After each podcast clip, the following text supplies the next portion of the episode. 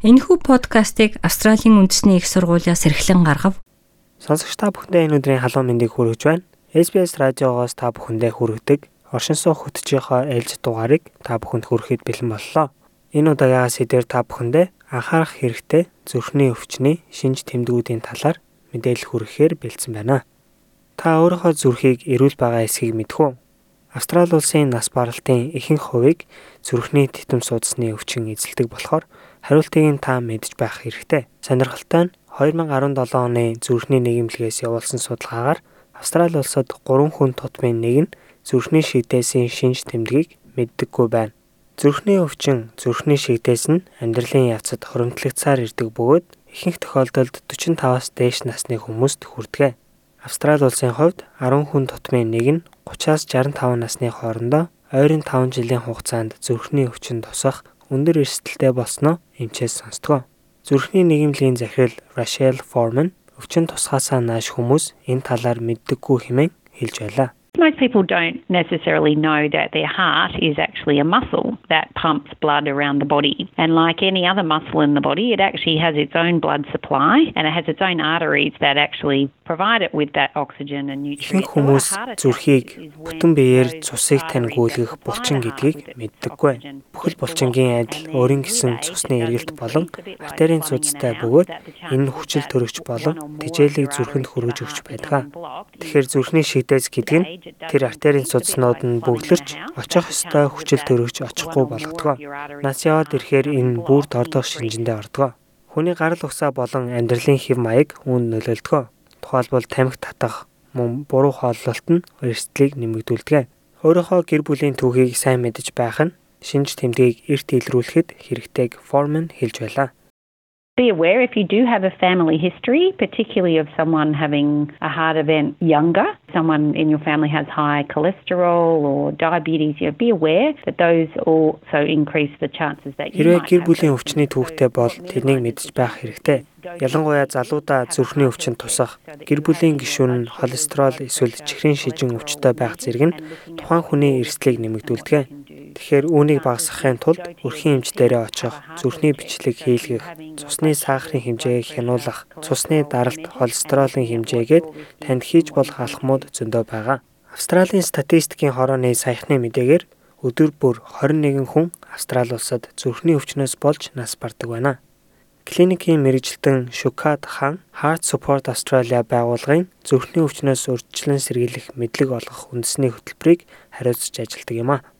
Most heart attacks involve discomfort in the center of the chest that lasts for more than a few minutes or that will go away and then will come back again. It can feel like uncomfortable pressure or squeezing or fullness or pain. Хинх шигдээсүүд зүрхний хавьд хэдэн минут үргэлжлэх тавгүй байдлаас эхэлдэг. Энэ нэг тавгүүрээд буцаад зүгээр болох шинжтэй байна. Заримдаа дээр нь дарж байгаа мэт мэдрэмж төрөх, өвдөх магадaltaй байдаг.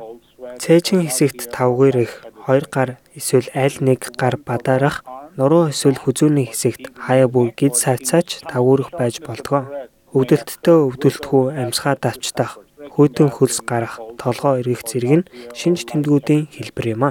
Ихэнх эмэгтэйчүүдийн хувьд хөхний хавдрын аюулын талаар мэддэгч зүрхний нийгэмлэгийн судалгаагаар зүрхний өвчнөөр нас барж байгаа хүмүүс хөхний хорт хавдраар нас барж байгаа эмэгтэйчүүдээс 3 дахин олон байсан байна.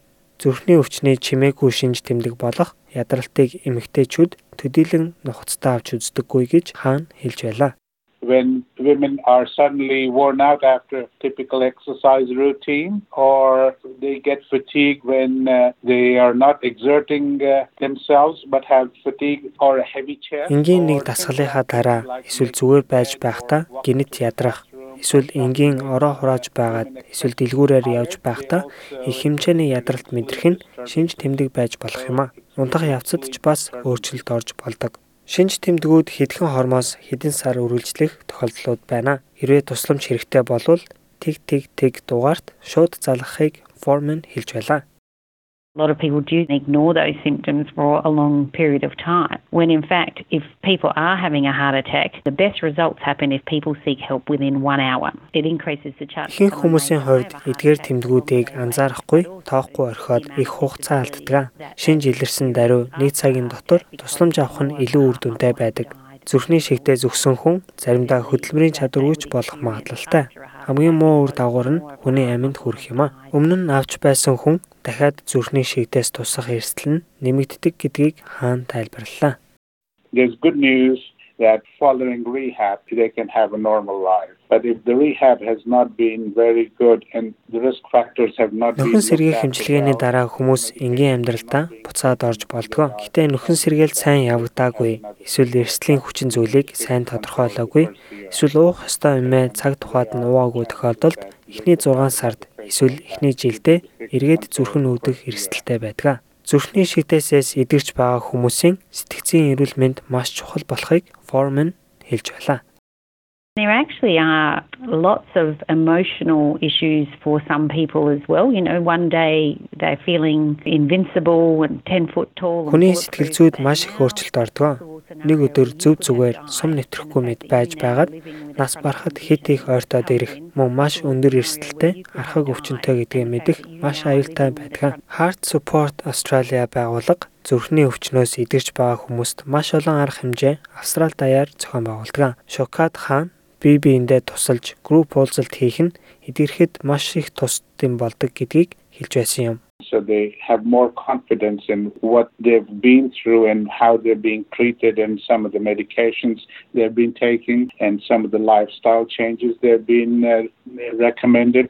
This really helps. Хүмүүс өөртөө илүү ихтэй болж эмийн хэрэглээгээ хянаж амьдралынхаа хэв маягийг өөрчлөх хэрэгтэй байдаг. Олуула уулзаад бусдад бас ийм зүйл тохиолдсныг тэд хэрхэн даван туулж байгааг сонсох нь хүмүүст ихтгэл төрүүлж ганцаараа биш гэдгийг ойлгуулдаг. Судалгаагаар Аз, Маори, Африк, Австралийн уугуул иргэд зүрхний өвчнөд илүү өртөмтгий байдаг байна. 2017 онд нас барсан Австралийн эрэгтэйчүүдийн 13% нь титэм судасны зүрхний өвчнөөр нас барсан байна. Эмэгтэйчүүдийн хувьд нас барсан хүний 10 хүн тутмын нэг нь үүнээс болж хорвоо гаргажээ. Rochelle Foreman энэхүү эрсдлийг бууруулах арга хэмжээг авч байх хэрэгтэй хэмээн зөвлөж байна. Everybody can improve lifestyle in some way. One little thing every single day will improve it. So you don't have to be Хүн бүр амьдралынхаа хэв маягийг эерэг байдлаар өөрчилж чадна. Нэг жижиг зүйлийг өдөр бүр хийх нь энэхүү эрсдлийг бууруулах юм. Төгс төгөлдөр амьдрах биш, өнөөдөр бодитойгоор юуг өөрчилж чадах вэ? Хэрхэн эрүүл байх вэ гэдгээ бодож хэрэгжүүлэх хэрэгтэй. Илүү дэлгэрэнгүй мэдээллүүдийг Heart Foundation.org.au, Heart Support.org.au вебсайтуудаас хүлээн аваарай. Орчуулгын үйлчилгээ хэрэгтэй бол 13 14 50 утас руу, мөн яаралтай тусламж хэрэгтэй бол тэг тэг тэг гэсэн утас руу залгаж тусламж дуудаарай. Дараагийнхаа дугаараар та бүхэнтэйгээ тун удахгүй уулзцгаая. Австрали улсад амьдарч эхлэх гэж байна уу? Хэрэгтэй мэдээллийг SBS.com.cg-ийн урагшаа зураас Mongolian хуудасаас хүлээн авах нь. Монгол өв уламжлал Монгол гэсэн өрмөц онцлогоо бид хэрхэн хадгалах вэ? Австралийн тэргуулах зэргийн их сургууль болох Австралийн үндэсний их сургууль нь монгол хэлний онлайн курсыг танд санал болгож байна. Монгол хэлийг сурснаар танд өөрийн сурлага, ажил мэргэжилдээ цааш дахин дэвших боломж гарах болно. Монгол хэлийг бүх шатнд сурч болохоос гадна та хаанч амьдардаг байсан зайнаа сурах боломжтой юм. 2020 оны эхний улирлын эсэлд 12 сард эхлэх болно. Дэлгэрэнгүй мэдээллийг Asia Pacific цэг, ANU цэг, EDU цэг, AU зураас Languages холбоосоор орж авна уу?